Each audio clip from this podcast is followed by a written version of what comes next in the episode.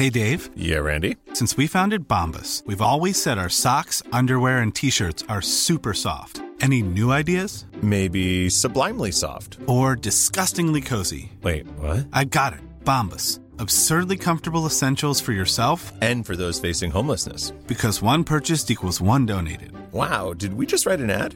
Yes. Bombas. Big comfort for everyone. Go to bombas.com slash ACAST and use code ACAST for 20% off your first purchase. Here's a cool fact a crocodile can't stick out its tongue. Another cool fact you can get short term health insurance for a month or just under a year in some states. United Healthcare short term insurance plans are designed for people who are between jobs, coming off their parents' plan, or turning a side hustle into a full time gig. Underwritten by Golden Rule Insurance Company, they offer flexible, budget friendly coverage with access to a nationwide network of doctors and hospitals. Get more cool facts about United Healthcare short term plans at uh1.com. Ready to pop the question? The jewelers at BlueNile.com have got sparkle down to a science with beautiful lab grown diamonds worthy of your most brilliant moments. Their lab grown diamonds are independently graded and guaranteed identical to natural diamonds, and they're ready to ship to your door. Go to BlueNile.com and use promo code LISTEN to get $50 off your purchase of $500 or more. That's code LISTEN at BlueNile.com for $50 off. BlueNile.com code LISTEN.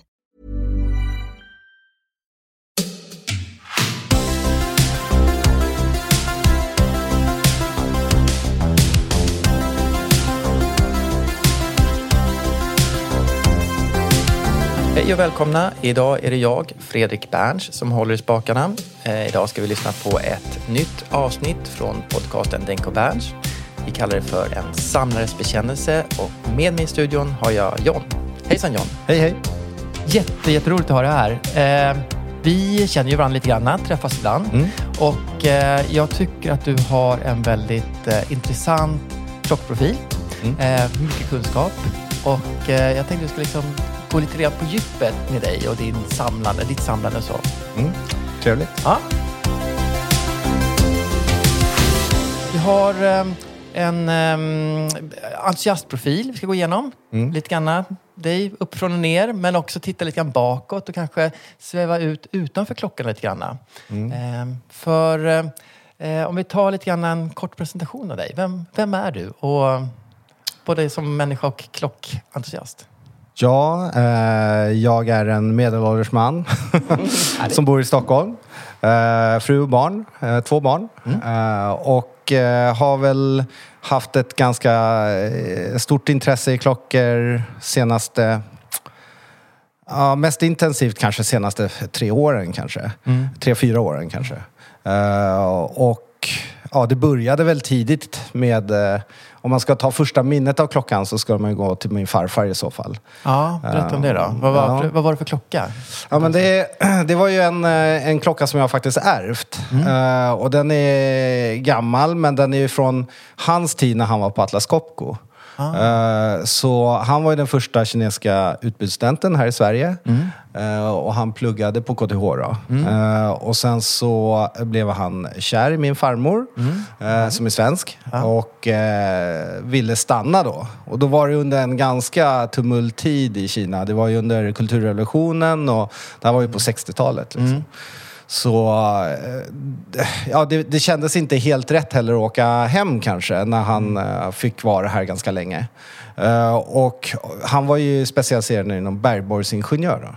Ah, så okej. då ville de ju i så fall skicka honom till någon by någonstans i Kina och jobba med gruvor. Och Mm. det är kanske inte det som det lockade honom mest. Då. Hur var, hur var, man tänker på klimatet i Sverige med invandring och så vidare på 60-talet. Hur upplevdes det då? Ja, det, det fanns ju inga. Nej, inte från- ju, nej, inte från Asien i alla fall. Nej. Eller Östasien. Utan det, jag tror vi hade... eh, Eller han hade... Det var nog bara tre, fyra stycken som han kände. Och på den tiden fanns det en enda kinesisk restaurang. Och det var ju vid Järntorget typ, i Gamla stan. Liksom. Och de lärde känna varandra såklart, för att det var de enda. Eh, och sen så fanns det faktiskt en annan entreprenör som startade Mrs Cheng Soja. eh, Back in the days. Och Här i Sverige Ja, här i Sverige. Och de, de lärde också känna varandra, så de är kompisar sedan gammalt. Då. Och eh, han, han, jag kommer ihåg när han berättade om min farfar att uh, Miss Cheng Soya, den här ägaren då, gick runt och knackade dörr för att sälja soja som dammsugarförsäljare ungefär. Och folk slängde dörren på honom och fattade inte vad det var för svart sörja. Liksom. Nej. Men sen fick han ju en eh, kontraktsleverantör med ICA då, och kom in där. Och då blev han ju jättestor. Ah. Så eh, det, på så sätt. Då. Och sen sålde de till ett norskt bolag tror jag. Okej. Eh, För många, många miljoner. Så. Ja, kul. Eh, men, men din farfar lever inte idag, eller? Nej, han gick bort eh, 2001 tror jag, eller någonting sånt. Eh, gick han bort. Var det då du fick ärva klockan? Ja, jag fick ärva hans klocka för det tyckte min pappa att liksom, nej, men den skulle jag få. Liksom. Eh, och då hade jag ingen riktig förståelse heller och inget intresse riktigt. Liksom, så. Men när man fick den i handen, det var ju väldigt fint. Det är en guldklocka från Atlas Copco, står på baksidan så här, till liksom, min farfar för trogen tjänst. Ah, Eh, och allt där. Och det, var, det kändes någonting extra, liksom, Mm. att han har haft den i, i princip sitt yrkesliv där på slutet. Ja. Eh, och den är ju såklart hemma. Liksom. Mm. Eh, som jag troligtvis aldrig kommer sälja. Men det är en gammal Longines som man fick som tjänsteman på den tiden. Liksom. Alltså det har alltid varit min dröm, att, ha, att ärva en klocka av min pappa eller min farfar eller liknande. Sådär. Men det, det finns inga klockor i min släkt på det sättet. Så att, men, men det där är ju jättehäftigt. Ja. Eh, och det spelar liksom, kan ju vara nästan vilken klocka som helst. För det har ett annat värde Ja. när det kommer liksom ifrån en, en släkting. Verkligen, verkligen. Du sa att då hade du inget eh, direkt klockintresse. Nej. Eh, men hur, hur öppnades dina ögon? Ja, men jag var nog ganska, jag var nog för ung för att ha ett riktigt klockintresse. Det finns ju de som blir väldigt intresserade väldigt tidigt, men eh, jag var ju för ung då. Eh, Men sen så tror jag, inte förrän mitt yrkesliv, när jag eh, började jobba med fastigheter lite grann och så fick jag en väldigt fin mentor eh, som var väldigt kunnig och hade väldigt mycket liksom, eh, kunskap inom urverk och klockor. Eh, mycket äldre än mig såklart. Men hade en väldigt fin samling också. Ja, vad roligt. Förstod du hans samling eller var det bara, det var bara armasur i en rad? Nej, alltså först var det ju att man tittade och sneglade så på hans arm liksom, som blänkte ibland lite för mycket eller vad det nu var. Och sen så frågade man och då kunde han ju berätta om det. Eh, och eh, det är ju väldigt kul liksom att få den här kunskapen in då. Och sen så när han fyllde jag tror han fyllde 65 har jag för mig han fyllde då. Och då fick han en jättefin Jäger, eh, dykarklocka av sin fru då. Eh, och då sa han så här, på dagen när han fick den då, så visade han så här, Alex nu ska jag visa dig någonting som du blir avundsjuk på. Och så visade han den och då bara, oj, det här var någonting helt annat. Någonting jag inte hade sett tidigare. Och då hade jag bara upplevt, tror jag, parfymklockor eller någonting sånt innan då. Eh, och då började jag tänka i de banorna, så här, kanske man ska ha en, en, en riktig klocka i situationstecken. Ja. Liksom. Eh, och då började jag spana lite grann. Då. Och vad, vad hamnade du på då, då när du började? Ja, det första klockan man skulle tänka sig, då, då tittade jag på budget såklart, för det var första gången. Och då känner man att så här, man vill inte lägga ner för mycket och man, eh, ja, man vill bara titta på någonting som kanske är snyggt, som passar en och så. Och då blev det faktiskt Tag Heuer eh, som jag köpte då. Eh, Formula 1 var det. Eh, och den var väldigt stor, nästan för stor. Jag skulle inte ta en sån idag. Liksom. Eh, en 44 mm kronograf, Ja, stål. Eh, så, men då tyckte jag om den. Liksom. Ja. Det var första klockan som jag fick. Jag var väldigt nöjd och jag tror jag sprang in på Kronsur eh, var det tror jag, Mm. som jag handlade den på. Så det var nog starten lite grann. Och sen så fick jag ju lite lära mig mer och så fick jag faktiskt chansen att köpa då eh, min mentors eh, badklocka som man kallar det. Mm. Vad var det? Eh, en Omega Aquaterra eh, som var 38 mm då tror jag, Ah. om jag inte minns fel. Men eh, väldigt fin. Och eh, där fick jag chansen att köpa honom tror jag, kom på den tiden för 10 000 eller någonting sånt där. Då. Eh, men det var lite grann starten som man började gilla det och den Ah. gav jag till min eh, fru sen då. Okej, ja. bra. Så den finns kvar också? Ja, precis. Finns, eh, finns eh, Tag Heuer kvar? Nej, Nej. den finns inte kvar. Nej, den fick vara minnet. ja, men det, det är också en del i det här. Vi ska komma in lite grann på köp och sälj och flippandet och, och den biten. Men eh, man utvecklar ju sin smak och det behöver inte vara... Det måste inte vara att det går till det lite dyrare hållet. Men man kan börja tycka om olika storlekar eller olika typer av klockor kanske. Eh, så det är väl rätt naturligt att den första man köper kanske inte matchar en smak nu, flera år senare. Absolut.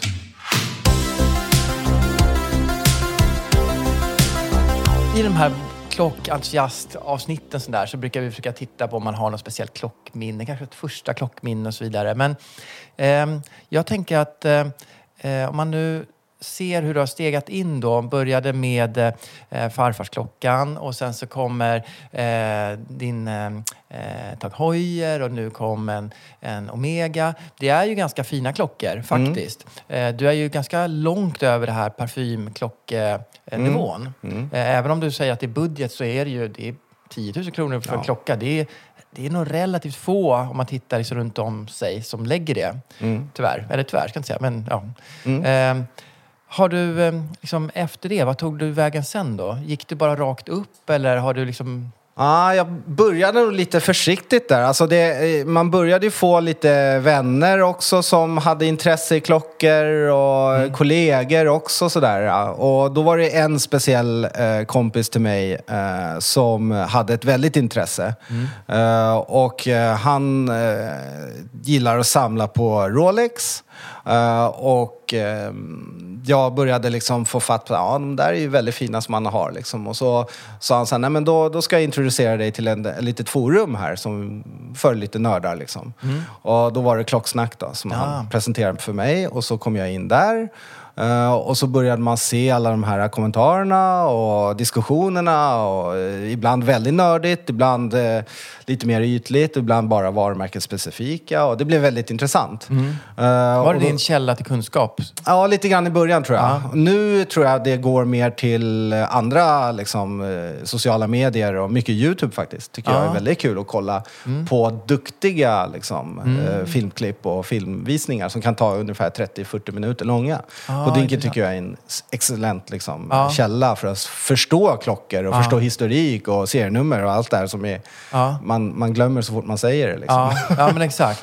Eh, det där är intressant. Så, um, Använder du andra sociala medier? Eh, hur är det liksom med... Jag vet att mycket av klockaffärer sker på Instagram och mm. det finns stora Facebookgrupper mm. och jag har fått för mig att TikTok börjar bli ganska stort ja, även bland oss liksom gamla klockgubbar. Mm. ja. eh, vad använder du mer än då Youtube?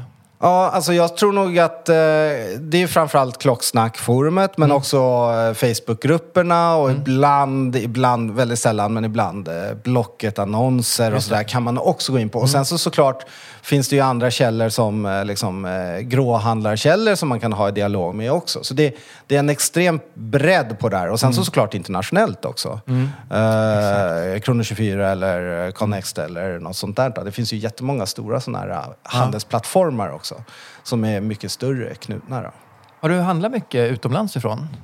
Uh, när jag har varit utomlands har jag handlat. Ah, på plats, uh, på plats mm. från liksom AD eller från uh, någonting sånt. Men jag har nog inte beställt utifrån lika ofta. Det känns mm. lite mer osäkert, eller för mig i alla fall, känns det liksom svårt mm. att lägga ut en transaktion som man känner så här, ja men kommer det verkligen den som jag har mm. tittat på eller rätt mm. och sådär.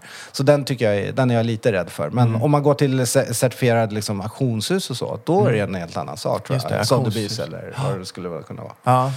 ja, men det är precis. Det är, det är lite konstigt i den här klockvärlden. Väldigt mycket eh, handel sker ju i förtroende. Mm. Man skickar iväg stora summor till någon man aldrig har träffat för att den har lovat att skicka någonting eh, så fort som möjligt. Och så kommer det ett paket eventuellt med någonting i, eventuellt, ja, som ja. är ungefär det som man hade hoppats på, eventuellt. Alltså det är ju väldigt, och, det kan vara jättestora summor. Så det, är en, det är en väldigt konstig bransch på det sättet. Oh, ja. Eh, köpa utomlands ifrån. Um, jag skulle vilja komma in på en annan sak. Eh, jag är lite imponerad av dig. Eh, vi har ju pratat om massa saker kors och tvärs och sådär. Och jag, jag har en bild av dig att du sätter upp mål. Sätter upp mål för dig själv eller för familjen mm. eller och så vidare. Och sen genomför det. Och det är kanske många som sätter upp mål och genomför. Det, det, det låter, men det som du har gjort tycker jag är otroligt imponerande och häftigt. Kan inte du berätta lite grann för oss om när ni flyttade utomlands i familjen? Ja, alltså det var ju egentligen inte bara familjen då. Det var bara min fru och jag som eh, egentligen eh, åkte. Och det var ju efter plugget. Så vi tog examen eh, och sen så hade vi inget första jobb liksom, utan då så här, nej men OS är faktiskt runt hörnet. Vilket år pratar Och det var 2008 då. Ja. Och då finns det liksom en chans att vara med i det här, kände jag. Mm. Och min fru då. Mm. Min fru är svensk, jag är halvkines. Mm. Och vi har lite kontakter där. Och då tänkte jag så här, nej men det måste finnas, alltså det, när var OS i Sverige senast? Det var ju liksom mer än hundra år sedan. Så om vi missar det här tåget, nu när man är så ung och oerfaren och liksom vågar hoppa på allt, då måste vi bara ta den här chansen. Så det var egentligen ett sånt eh, språng kan man säga, eh, som vi tog det. Och det som, som triggade det här, det var då du, eller ni har båda kontakter i Kina. Mm. Eh, och eh, OS går 2008 i Peking. Ja. Eh, och ni bestämmer er... Hur, hur långt i förväg kom ni? 2007 åkte vi ner, eh, sommaren där. Och jag tror vi fick, eller vi fick ett, liksom, ett väldigt enkelt jobb på Olympiska kommitténs eh, liksom, organisation under då China Central Television, alltså CCTV då. Ungefär som Sveriges Television kan man säga. Eh, på grund av att jag hade kontakter via familjen som jobbade där. Eh, och då sa de så här, nej men vi behöver internationella människor pronto liksom. För att vi behöver folk som kan språk, vi behöver folk som har, liksom, kan prata med folk på alla olika plan. Liksom. PR, kommunikation och så vidare. Eh, så vi visste egentligen inte vad vi skulle göra. Vi Nej. bara visste att vi hade kanske ett jobb. Ja, vilket äventyr, vad häftigt. Ja, eller? Ja. Så, så vi tog ju egentligen två bags och sen så åkte vi bara ner. Och min fru då hade fortfarande exjobbet kvar Ja. medan jag hade tagit hela examen då. Eh, och då fick hon ett exjobb via Ericsson i Peking. Ah, på plats. Eh, så det var liksom en, en väldigt tur i det. Då. Så hon fick jobba för Ericsson eh, och jag fick då jobba för CCTV. Eh, så jag fick, jag tror jag hade en, några tusenlappar i månadslön. Alltså, alltså medellönen i Kina, ja man brukar säga ungefär 4 000 kronor. Eh, Ah, Per okej. månad ungefär. Ja. Eh, Så jag hade ju ungefär det. Mm. Eh, och det är någonting som en svensk, mina gamla kompisar, som aldrig skulle ta. Liksom. Nej, Eh, men jag såg ju att jag fick se Usain Bolt ta världsrekordet för första gången. Jag fick se Michael Phelps ta eh, guldmedaljer. Han tog ju sju, åtta stycken där va. Eh, och jag fick se hela den här gigantiska OS-apparaten med den här enorma kinesiska liksom, motorn i det. Och det för mig var en upplevelse jag aldrig kommer uppleva igen. Nej. Så det, det var ju det som triggade.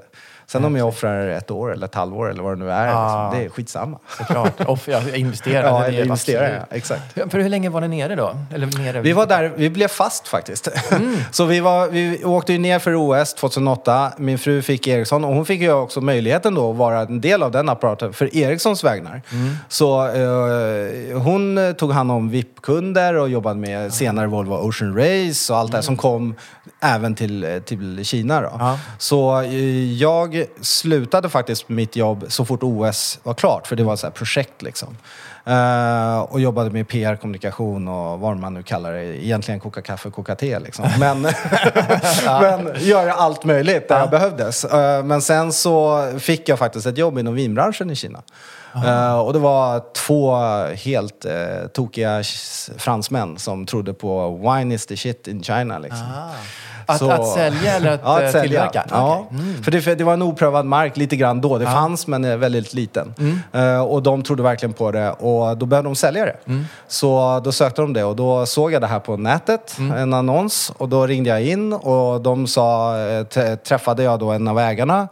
Och han sa, kan du engelska? Ja. Kan du eh, kinesiska? Ja. Är du rädd för att ringa folk? Nej. Ja, du är hired. Det var väldigt snabbt liksom. Ja. Och det var jättekul. Och då började jag som säljare då i Peking Ja. för, för vinbolaget mot hotell och restaurangbranschen. Då. Och då måste jag fråga, okunnig, när du säger att du kan kinesiska, för visst är det flera språk man talar i Kina? Ja, mandarin då, huvudspråket så Ja, att säga. okej. Ja. Eh, är det stor skillnad mellan språken? Jättestort. Ja. Det är som eh, grekiska och svenska. Liksom. Det enda som gemensamt eh, funkar är ju skriftspråket. Då. Eh, Så man skriver på samma sätt, förutom i södra Kina där man fortfarande har det traditionella skrivsättet medan resten av eh, Kina har ju moderniserat till en enk- förenklad version av kinesiska. Okej.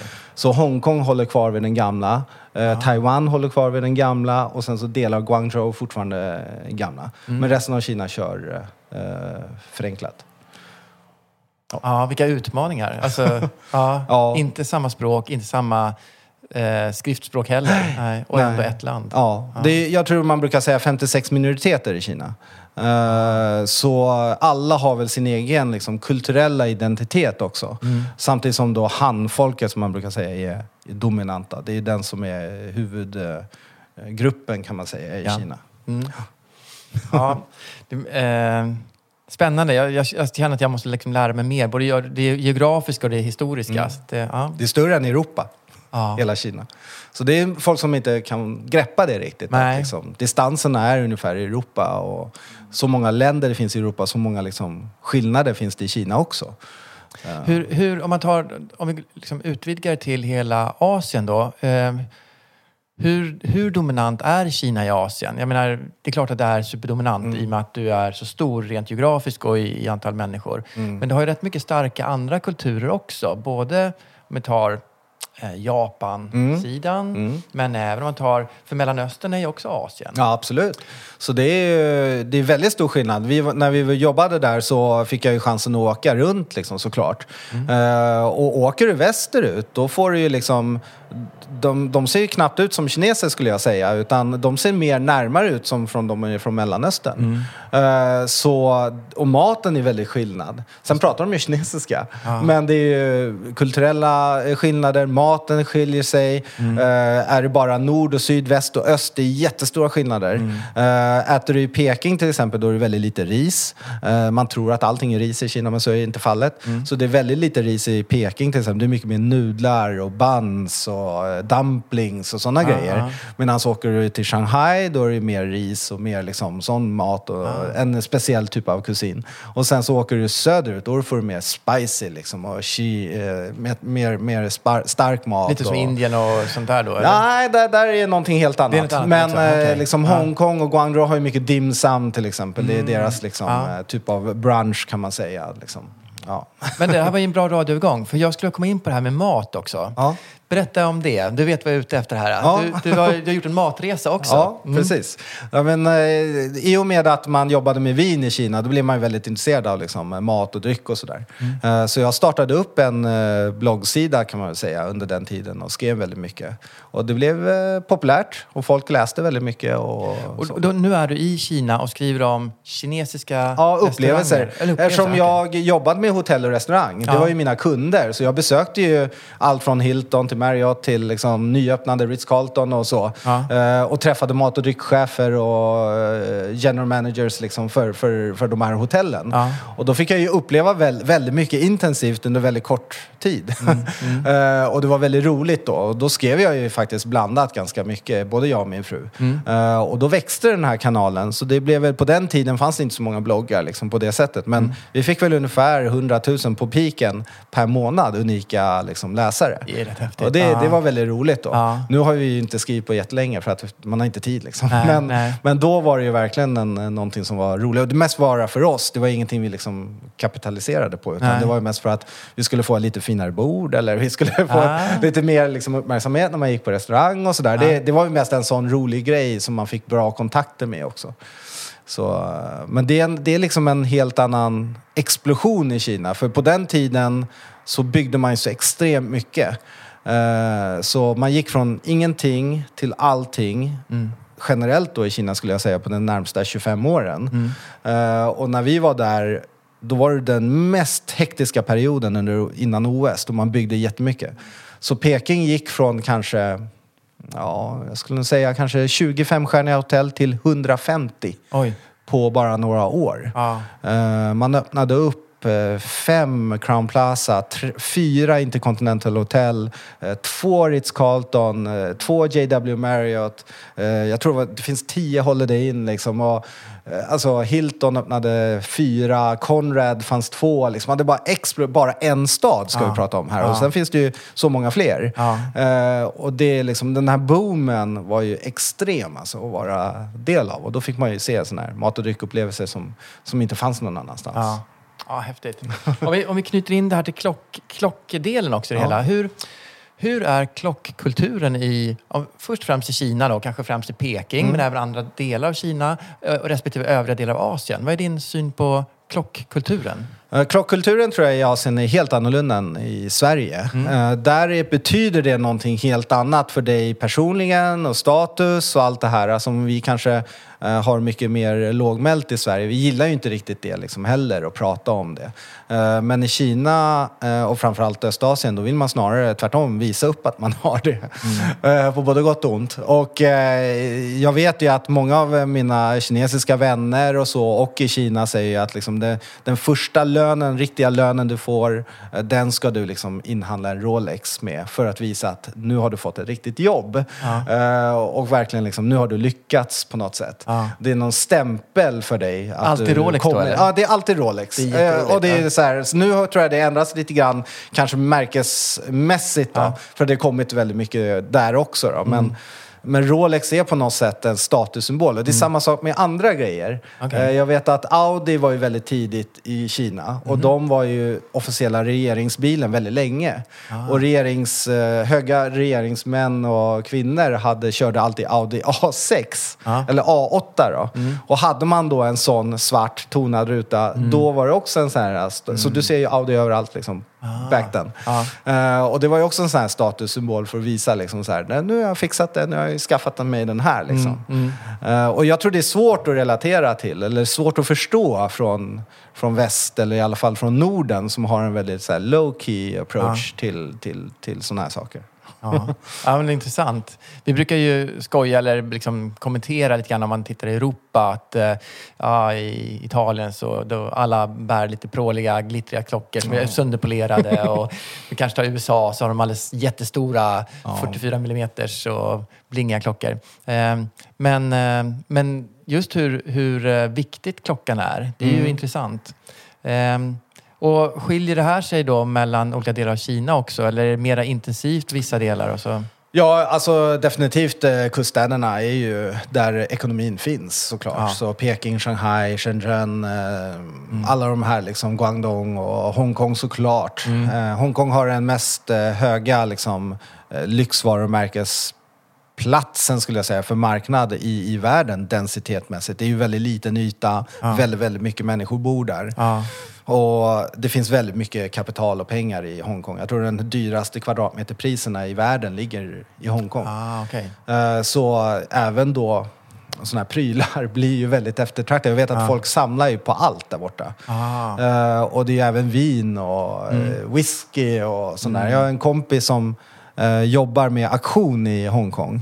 Eh, och hon sa att när hon var, kom på besök här i Stockholm så gick hon på Rish eh, och jag sa så här, dit kan du gå och ta en drink. Liksom var hon där med sina kompisar.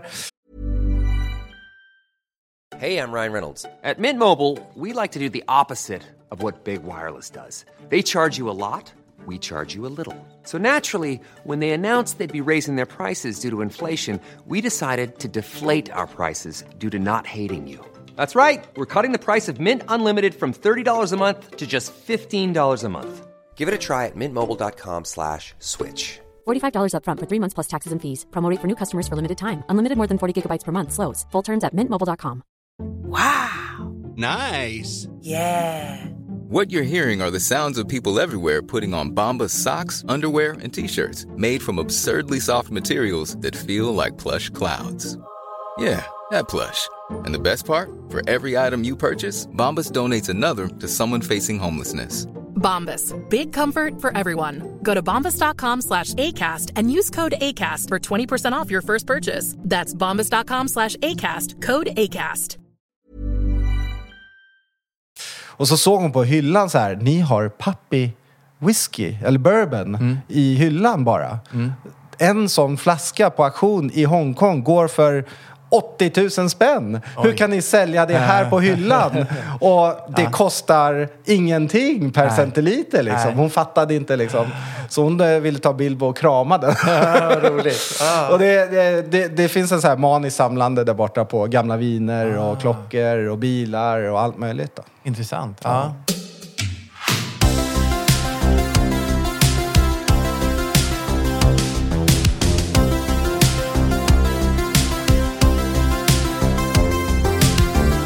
Jag tänkte komma tillbaka, ta tillbaka dig till Sverige eh, och till din, med din familj. Eh, Du berättade återigen att du var ganska målmedveten. Eh, Ni hade bestämt er för att köpa ett landställe. Mm. Och så, så började du titta på möjligheter att skrapa ihop någon sorts grundplåt för ett landställe. Mm. Berätta. Ja, men eh, vi, vi har ju alltid funderat på så här, ska man köpa landställe eller trivs vi med det huset vi har och bara reser istället och så här. Sen så kom vi ganska fort fram till att nej, men vi skulle gärna vilja ha någonstans att kunna åka till. Eh, ett andra hem på något sätt, ett eh, hem från hemmet. Eh, och vi tycker väldigt mycket om skidor eh, och tycker det är väldigt kul. Så vi brukar oftast åka upp till Åre till våra vänner och sådär. Men då kände vi att vi ville ha någonting själva då.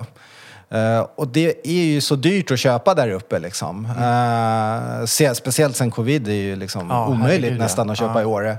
Så det blev uteslutet ganska fort för det gick upp för mycket där borta. Men Mm. då typ började vi titta längre ner och då såg vi så här Vemdalstrakten och Mm. sådär. Eh, och då kände vi att det var en mer rimlig prisbild. Men då behövde vi fortfarande få in en så grundbudget in i det hela. Och då tänkte vi, vi och jag så här, hur får man upp en bra eh, insats för att eh, få det här? Mm. Köpa aktier och fonder, det tar ganska lång tid och det är på lång sikt också såklart. Man kan såklart gå in och riska så här, och köpa riskfyllda aktier och så. Daytrada och- ja, ja. Men, men då måste man nog starta med ganska mycket för att komma upp det. ganska mycket så att säga. Och de kapitalen kanske inte vi riktigt hade. Så vi kände så här, ja men jag säljer eh, min taghojer eller vad det nu skulle kunna vara. Och sen så får vi se om man kan liksom flippa då, som vi kallar det, eh, till en fast budget. Och då började det där lite grann. Och sen så fick man ju se alla de här försäljningarna som gick. Och så framförallt såg man ju priserna som steg på andrahandsmarknaden. Speciellt i gråhandelsmarknaden som man liksom följde ganska intensivt. Eh, som alla klockentusiaster kanske gör, mer eller mindre. Sen så om man inte säger det, det man tittar nog ändå. Ja, men, ja, men jag tror att alla har en ganska bra grundkoll. Sen kanske man har nischat in sig på vissa Ja. märken, modeller eller nivåer. och Sådär. Men jag tycker det är lite fascinerande, för det du berättade också var ju att du blev duktig på vissa... Eh, jag, ska, jag vet inte om det var vissa klockor, men, vissa, men du hade en bra, bra känsla för vad är rätt pris för de här klockorna. Mm. Och så kunde du då scouta upp klockor som var för billiga. Mm. Så att det fanns på något sätt pengar att hämta i, i klockorna. Ja, jag har ju märkt att det, det fanns alltid folk som ville sälja av sina tillgångar såklart. Och det behöver inte bara vara klockor. Men folk ville bli av med det för att de behövde kapital till annat eller någonting. Eller så ville de köpa upp sig till någonting nytt eller sådär. Och då såg jag ganska fort att eh, det fanns många som sålde priser som låg under ett världsprisindex. Och då kan man ju följa de här eh, internationella plattformarna då, för att se vart ungefär priset ligger på internationellt. Och sen så kan man ju liksom räkna med risker där på då. Så jag hade ju så här äh, världsmarknadspriskoll samtidigt som jag såg då scoutade efter eh, klockor som fanns i vår hemmamarknad. Eh, och ganska fort märkte jag att det fanns jättemycket potential här. Och då gick, blev jag ju mer och mer fångad i det. Och när jag var som värst tror jag, då, då då flippade man nästan en gång i veckan på... Alltså, det, det gick väldigt fort. För ibland så var det att man eh, införskaffade en väldigt bra klocka som man visste var åtråvärd och fick det till ett rimligt pris. Och sen kunde man liksom sälja den för eh, x antal mer bara dagen efter. Och det gick liksom så. Ja. Eh, så då, det, det blev nästan som en drog också. Ja, men själva flippan, själva affären Ja. är ju någonting, det är en kick i Ja. det hela. Eh, och sen när man då också kommer ur det med en liten plus på varje affär. Ja. Sådär, så, eh, jag tycker också det intressanta var att det fanns ett uttalat mål. Mm. Eh, många av oss beter sig precis så här utan att ha ett mål. Att det Mm. bara är kanske affären i sig som lockar att få gå in i det. Men, men väldigt säger, strukturerat och, och eh, målmedvetet, Mm. vilket var häftigt. Ehm, och hur gick det då? Köpte ni landställen? Ja, det gjorde vi till Ja. slut. Det tog ungefär två år. Två år, ja, två år av fokuserat flippande. Ja, fokuserat och nu har man lugnat ner sig betydligt. Ja, ja. men då var det verkligen att så här, nej men vi försöker få till det här. Ja. Eh, så att det, det verkligen funkar eh, utan att man liksom belånar sig över öronen och så. Fick du eh, i den här eh, tvåårsprocessen då att, att skrapa ihop grundplåten till... Ja, till absolut. Fick, fick du, eh, sprang du på några miner? Gjorde du liksom... Ja, alltså jag tror nog att jag gick på kanske två, tre förlustaffärer. Men det var ju nog det är. Alltså, Ja, det är ju rätt lite, ja. Det är ganska lite i jämförelse med eh, totalen. Och sen så eh, har det ju alltid försökt följa ett marknadspris. Eh, På något sätt. Eh, Man kan ju kanske lägga lite över på grund av andra frågor men i princip har jag alltid följt det här marknadspriset och då är man ändå ganska förvånad över att eh, det ändå går liksom. Ja. så pass bra. Men det är ju intressant här, kunskaps, eh, vad viktig kunskap är. Ja. Vet du eh, vad som är rätt pris eller vad som går Mm. att få ut för en klocka och så ser du en klocka som är på någon kanske annan att man hittar den på Blocket eller Ja. Tradera eller något annat ställe, någon pantbank och så. Precis. Så, så har du ju möjligheten då att, att eh, tjäna lite pengar på det. Exakt. Det är ju faktiskt jättespännande. Eh, men så är det kanske i allt. Även med aktier så handlar det om kunskap. och- Eller hur? Ja. Eller hur? Det gäller bara att läsa på tror jag. Mm. Det var, jag läste en bok för länge sedan som handlar om, jag tror rubriken var Hur du blir rik. Eh, men det, om jag minns det rätt nu, ska jag se om jag kan citera här. Men man ska ha, det var tre komponenter i det. Det ena var att du ska ha mer kunskap än dina konkurrenter.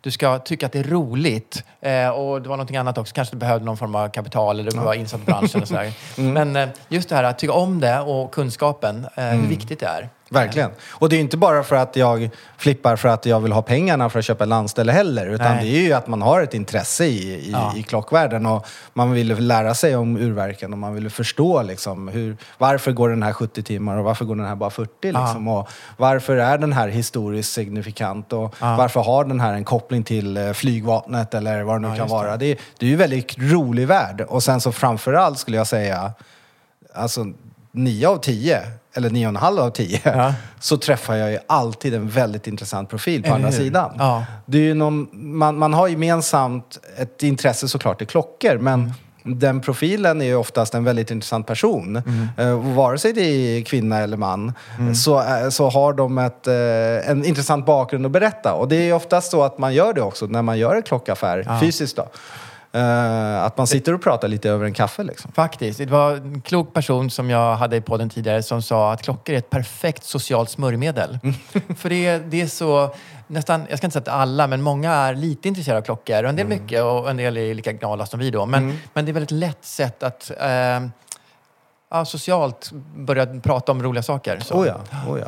Ehm, ja, intressant. Eh, och eh, vilket segment skulle du säga att det är du har jobbat med då? För man kan ju lägga sig på lite olika nivåer. Mm. Man kan ju flippa allt ifrån den här dyraste, dyraste nivån Oh ja. ner till parfymnivån. Men hittade du, eller vad var din avgränsning på något sätt? Eller Jag det- försökte riskminimera mig själv Mm. så att inte man skulle lägga ut kapital för mycket och sen så, så här, blir den inte såld och jag inte kan betala amortering och ränta på huset. Just det. Eh, vad händer då Ja. när fru blir jättearg och barn blir sura på mig? Så, så där, det kan man ju inte göra liksom. Så jag försökte riskminimera mig och då ville jag hitta ett segment där jag tycker var ändå rimligt och rimligt för marknaden. Mm. Så jag ville ju aldrig riktigt gå över kanske 60 000 någonstans där. Mm. Eh, Men inte heller under så att det blir liksom för lite marginaler. Mm. Så där var nästan mitt, liksom, mitt segmentet på, eh, på, på finare klockmärken skulle jag säga. Det passade mig väldigt bra för då visste jag att det fanns alltid en köpgrupp där ute som sökte efter de här. Ja. Eh, så där höll jag mig ganska mycket. Jag skulle, jag skulle nog säga att det var väldigt sällan jag gick över 100 000 faktiskt. Ja.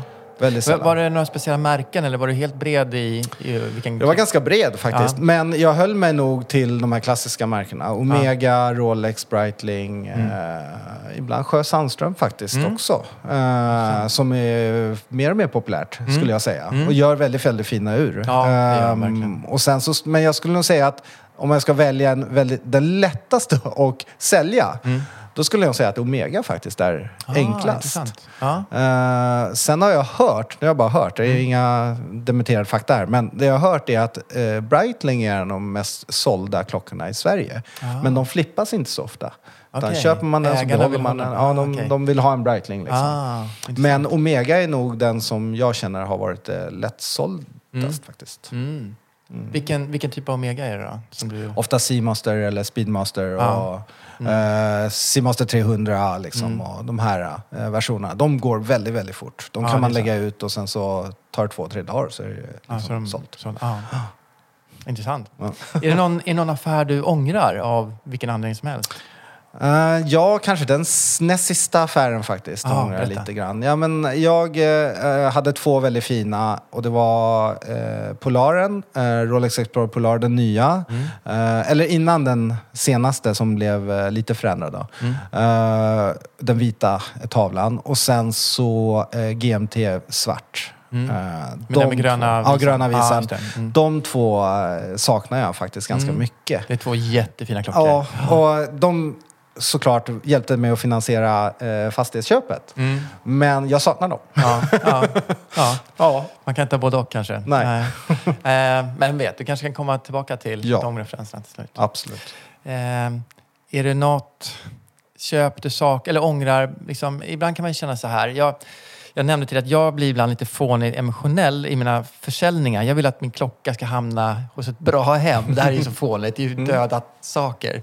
Eh, och jag har ingen rätt att ha en åsikt om köparens beteende. Om han eller hon vill sälja den en sekund efter att han köpt. Det är helt okej. Men någonstans så känns det bra om den landar hos någon som verkligen uppskattar den och så vidare. Har du någon sån erfarenhet i dina affärer? Nej, jag tror inte. Alltså, jag tror nog att eh, om man ska gå in i den världen då måste man nästan hålla på med vintage och det här. Det, Kanske, det, det är mer ja. Mm. ett konstverk som man säljer, en affektionsvärde och någonting som betyder någonting mer än bara eh, armlänken. Liksom. Mm.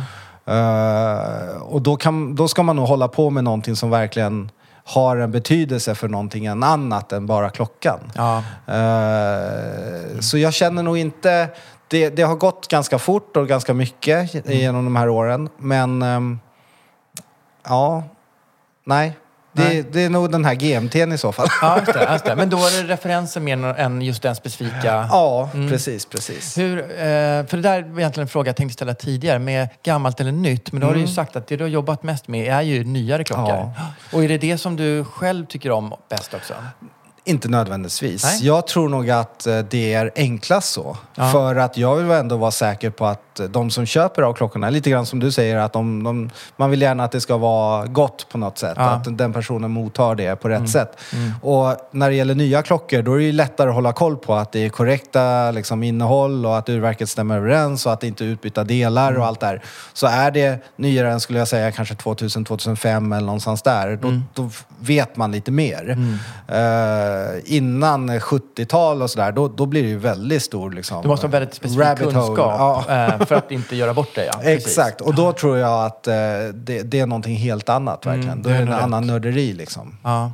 Eh, och då, det har jag försökt undvika också för att då är man ju på något sätt skyldig också att oj, det funkade inte på rätt sätt eller ja, jag hade inte kollat upp det här tillräckligt noga det. eller något sånt där. Och då, då kan det bli väldigt, väldigt fel Ja. om jag inte gör det rätt ifrån mig liksom.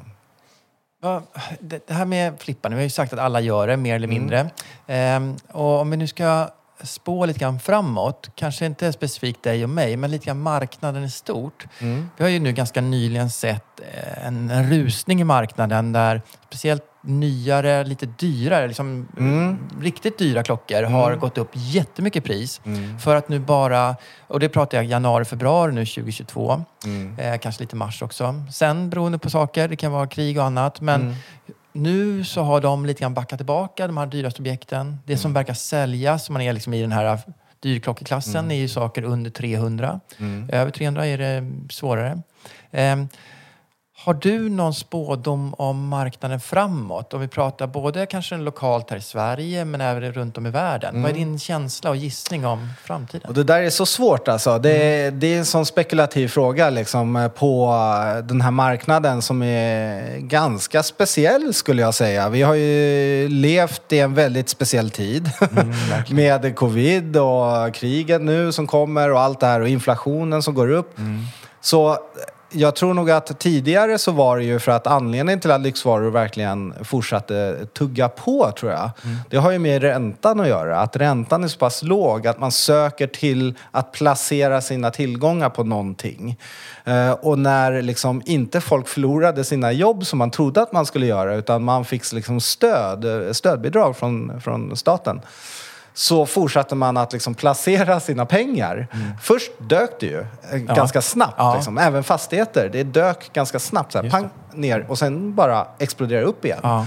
Eh, så den gav ju en skjuts även på klockmärken. Och samtidigt då så här, nästan skulle jag säga, man, man kan tycka vad man vill, men jag tror nog Rolex leder den här flip-trenden såklart. Och de leder ju också till hur folk tittar på klockor. Eh, Så när de säger i princip att vi bryr oss inte om hur många som köper, utan vi kan bara producera den här Mängden. den här ja. mängden. Sen kan inte vi göra mer och vi förlitar oss på våra AD, liksom, återförsäljare, att, att eh, hantera det här. Då blir det ett, ett extremt hype och då vill folk ha klockorna. Man kan inte få klockorna och sen så stiger priserna och så finns det mellanhanden som älskar att handla med det här. Eh, och då menar inte jag, utan då menar jag professionella. Ja, det är som vi kallar för gråhandel. Ja, exakt, Ja. gråhandlare som, är väldigt, som köper väldigt stora liksom, mängder av det här. Eh, som styr på något sätt en annan marknad. Då. Så, så sticker ju priserna iväg. Och nu har vi kommit till ett annat läge där vi har krig och inflation som inte vi hade under covid på det sättet. Eh, Så eh, jag vet faktiskt inte, men jag tror nog fortfarande som mest åtråvärda objekten, eh, varumärkesmässigt också, kommer alltid ha ett attraktionsvärde. Och då pratar jag så här klassiska Daytonas eller eh, GMT eller något sånt då. Men sen så finns det ju mer liksom avrundade märken som har ridit på den här vågen.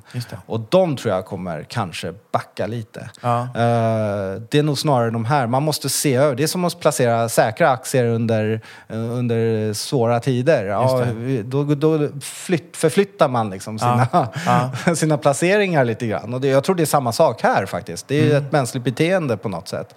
Så säkra kort kommer fortfarande vara starkt. Det kanske inte är lika starkt eller lika stark höjning. Just det. Stabiliseras eller kanske till och med går ner lite. Men det är fortfarande starkare än ett listpris. Ja. Eh, och det eh, kommer nog fortsätta tror jag. Så länge Rolex håller kvar vid sin, sina tillgångar på det sättet. Och inte gör som kanske Omega som säger alla som har råd en Omega ska få köpa en Omega. Punkt slut. Ja, just det. Men så säger inte Rolex. Nej. Rolex säger vi tillverkar de här och vi skiter i vilka som köper dem. Ja. Det, är, det är de som gäller liksom. Det är, de här, ja. Ja, men det är många gånger man inte förstår deras strategier när tar bort eh, olika modeller och lägger till nya. Som man, men, ja, men de gör sitt eget, kör sitt eget race där. Ja, intressant. Så om du nu skulle köpa ett till sommarställe. Mm. Eh, vad skulle du satsa på? Nu menar jag inte att du ska eh, sätta dig och börja flippa här imorgon. Utan, men mera som råd och tips till någon som då ser. Vad, vad, vad, vad, vad finns ekonomin i klockflippandet idag och framöver? Vad, vad tror du skulle vara det bästa segmentet? Är det att kliva upp på eh, Rolex-nivå eller att ligga kvar lite grann i mellanskikt? Eller? Jag tror nog att eh, alla kan nog lära sig Mm. om eh, priskategorier inom klockor generellt. Mm. Sen så tror jag man ska hålla sig till stabila varumärken som man är mer säkra än andra. Eh, och Rolex är ju där. Mm. Men även Omega och Breitling och Panerai till och med liksom, Mm, i vissa fall. Eh, så det finns ju jättemånga märken liksom, som man kan förhålla sig till. Men jag tror man måste läsa på och jag tror nog också kunskapsnivån kommer höjas betydligt mer. Just Det, det. gör, det har redan gjort det väldigt mycket. Ja. Och man märker, jag märkte också på slutet kanske att marginalerna blev ju lite mindre eh, än mina första liksom, Ja, flips som man gjorde. Eh, där kunde man ju göra väldigt stora liksom, till Mm. exempel. Nu börjar det bli liksom, lite, lite svårare. Mm. Om man inte då direkt köper från en AD som vissa tydligen har gjort och sen så gått och sålt direkt. Sån eh, har jag inte riktigt hamnat igen. Nej. Men eh, det, det, finns ju definitivt såklart. Eh, Den är ju inte så uppskattad av AD-erna. Jag har inte Nej. riktigt förstått varför de... Alltså, jag, vet, ja, jag vet inte varför de inte gillar dem, om jag ska vara ärlig. Det är som... De först, om de säljer en klocka, de kanske är också så emotionella som jag är. De vill att det ska hamna hos ett bra hem. Mm. Ja, eller hur? som säljer. Eller hur? Fast jag tycker, om man har köpt någonting så är det ens egendom. Så då har man väl rätt att göra vad man vill. Men, Ja. men jag vet att det är väldigt känsligt. Och Absolut. Flera AD som har liksom svarta listor som eh, markerar vilka som inte får köpa nästa gång. Och sådär. Så. Absolut. Och där tror jag att, alltså, jag tror nog man, man är rädd om sina eh, framtida kunder, tror jag där. Kanske så. Att det Mm. blir en irritation på, inte på liksom eh, klockmärket, utan då på ADs varumärke. Mm. Eh, och det är väl därför man försöker på något sätt skydda den här eh, kundlistan på något sätt. Ja. Och så. Eh, Ja. Men då bara spekulerar jag. Ja. Ja. ja, intressant.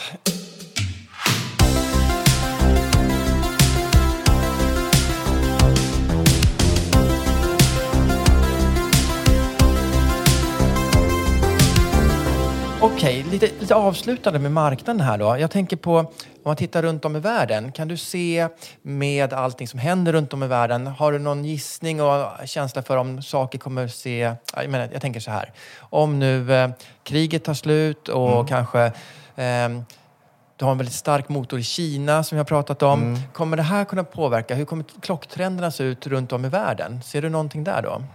Eh, menar du designmässigt eller prismässigt? Både lite och kanske. Ja. Jag tror nog att eh, väldigt många tittar på de stora marknaderna. Eh, Kina är en gigantisk marknad. Eh, Japan är en gigantisk marknad. Singapore är en gigantisk marknad. Och såklart USA. Eh, och sen resten av Europa. Eh, och jag tror det skiljer sig lite grann. Klart, sportstål har ju alltid varit så här superhype liksom. Så det kommer man ju fortsätta med väldigt mycket. Eh, och man tittar mycket på den här klassiska dykarklockan. Sen tror jag faktiskt stressklockan blir mer och mer intressant. Den är, har varit lite så här under underdog ganska länge och man har alltid kunnat liksom göra ett klipp om man köper andra hand. Eh, trots att urverken ibland är mycket mer liksom svåra och eh, mycket mer komplicerade. Så jag tror nog att dressklockan kan få sig ett uppsving för nu har vi liksom fått en väldigt stort intresse i klockor generellt senaste åren.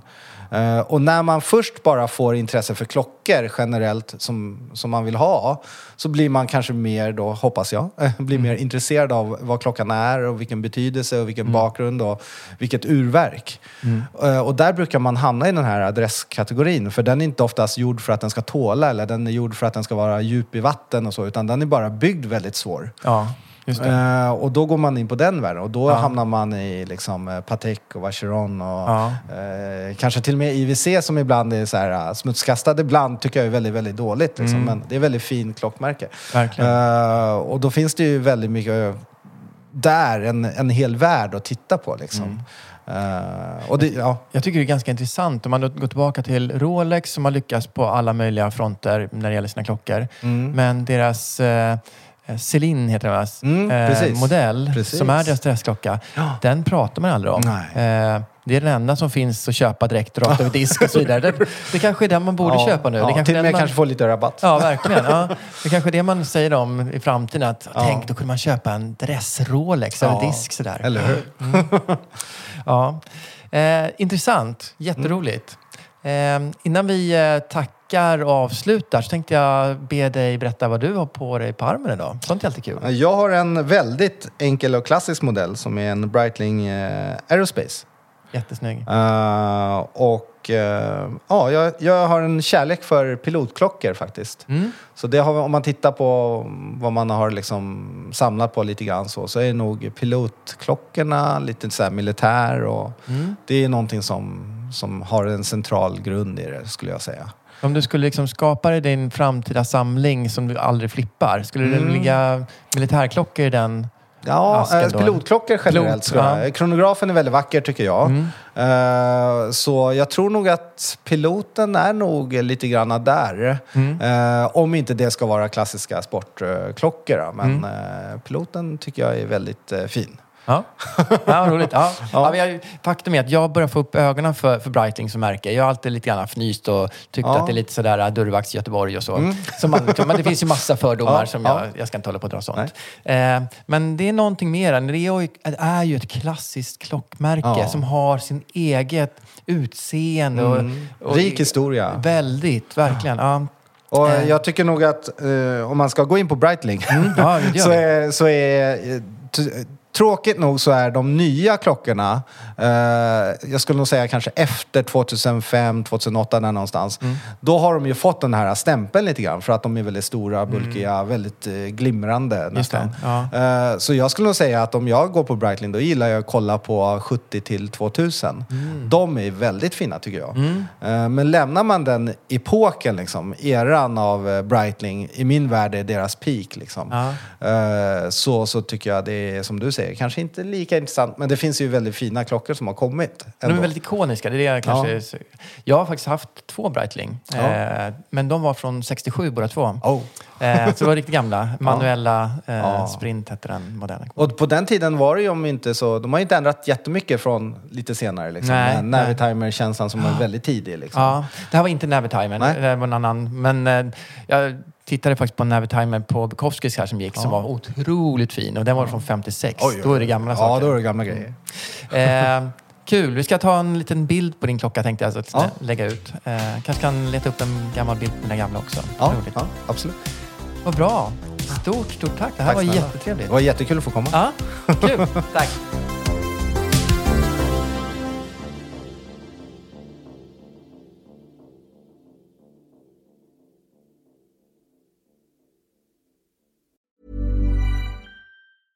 Planning for your next trip? Elevate your travel style with Quince. Quince has all the jet setting essentials you'll want for your next getaway, like European linen, premium luggage options, buttery soft Italian leather bags, and so much more. And is all priced at 50 to 80% less than similar brands. Plus, Quince only works with factories that use safe and ethical manufacturing practices. Pack your bags with high-quality essentials you'll be wearing for vacations to come with Quince. Go to quince.com/pack for free shipping and 365-day returns. Mom deserves the best, and there's no better place to shop for Mother's Day than Whole Foods Market. They're your destination for unbeatable savings, from premium gifts to show-stopping flowers and irresistible desserts. Start by saving 33% with Prime on all body care and candles. Then get a 15-stem bunch of tulips for just $9.99 each with Prime. Round out Mom's menu with festive rosé, irresistible berry chantilly cake, and more special treats. Come celebrate Mother's Day at Whole Foods Market.